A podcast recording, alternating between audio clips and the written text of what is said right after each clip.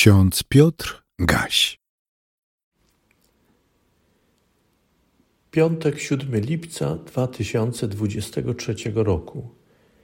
Hasło starotestamentowe na dzisiejszy dzień znajdujemy w Psalmie 90. Położyłeś winy nasze przed sobą, tajne grzechy nasze w świetle oblicza swego. Hasło nowotestamentowe zostało wyjęte z Ewangelii według przekazu Mateusza, szóstego rozdziału. Odpuść nam nasze winy, jak i my odpuszczamy naszym winowajcom, mówi Pan Jezus. Zajrzyjmy proszę do Psalmu 90. Czytamy w nim: Panie, Tyś był ostoją naszą z pokolenia w pokolenie. Zanim góry powstały, zanim stworzyłeś ziemię i świat, od wieków na wieki Tyś jest, o Boże.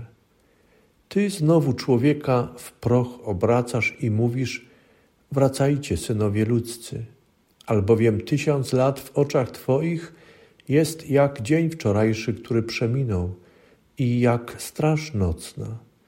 Wartko porywasz ich, są jak sen poranny, jak trawa, która znika. Rano kwitnie i rośnie, pod wieczór więdnie i usycha. Tak i my giniemy od gniewu Twego, a srogością Twoją jesteśmy przerażeni. Położyłeś winy nasze przed sobą, tajne grzechy nasze w świetle oblicza swego. Kochani, oglądanie Ziemi, szerzej świata, przyrody, zjawiska przemijania, przychodzenia i odchodzenia kolejnych pokoleń – skłania do refleksji.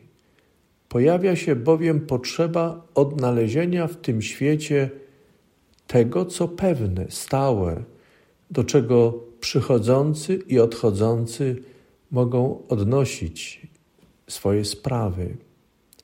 W Psalmie 90 modlący się wyznaje, że Pan jest ostoją z pokolenia w pokolenie. On jest. Bóg jest, zanim coś się staje. Wszelkie zmiany nie naruszają Boga, bowiem Pan nie należy i nie zależy od spraw dziejących się w tym świecie. Z tej rozmodlonej refleksji płynie pewna lekcja.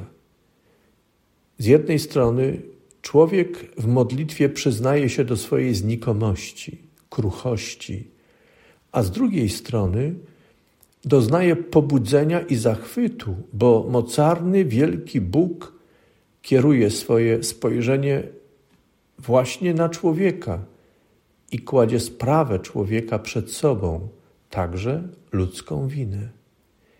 Nic nie ogranicza wglądu Boga w ludzkie sprawy. Bożemu przenikliwemu patrzeniu nic nie umknie bo Boża światłość rozświetla największą ciemność, a światło człowieka nie oślepia Boga.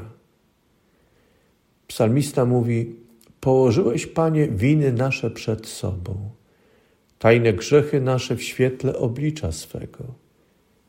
Nie spieszymy się do Boga z naszymi sprawami, przyznajmy. Wolimy je zachować w naszej kompetencji ale wcześniej czy później Bóg pozywa nas przed swoje oblicze i naszą sprawę kładzie przed sobą. Czy stawaliście kiedyś przed sądem powszechnym, bo wasza sprawa zawisła przed nim? Sąd przyjął ją do rozpoznania, aby rozsądzić i wydać wyrok w waszej sprawie? Pamiętacie tę scenę? Wchodzicie, wchodzicie na salę sądową, Akta dotyczące waszej sprawy leżą na stole sędziowskim. Za stołem zasiada Wysoki Sąd.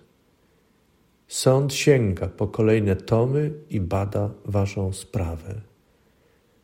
Wtedy uświadamiamy sobie, że nasza sprawa już nie jest w naszych rękach, jest w rękach sądu, mówiąc potocznie. O tym właśnie mówi psalmista. Patrząc na świat, w swojej refleksji dostrzega Boga, sprawiedliwego sędziego, który przyjął do rozpoznania sprawę każdej i każdego z nas. Sądzi sprawy ludzkie i sprawy świata. Boże, sprawiedliwy sędzio naszej sprawy, bądź miłosierny, odpuść i wybacz, w czym zawiniliśmy.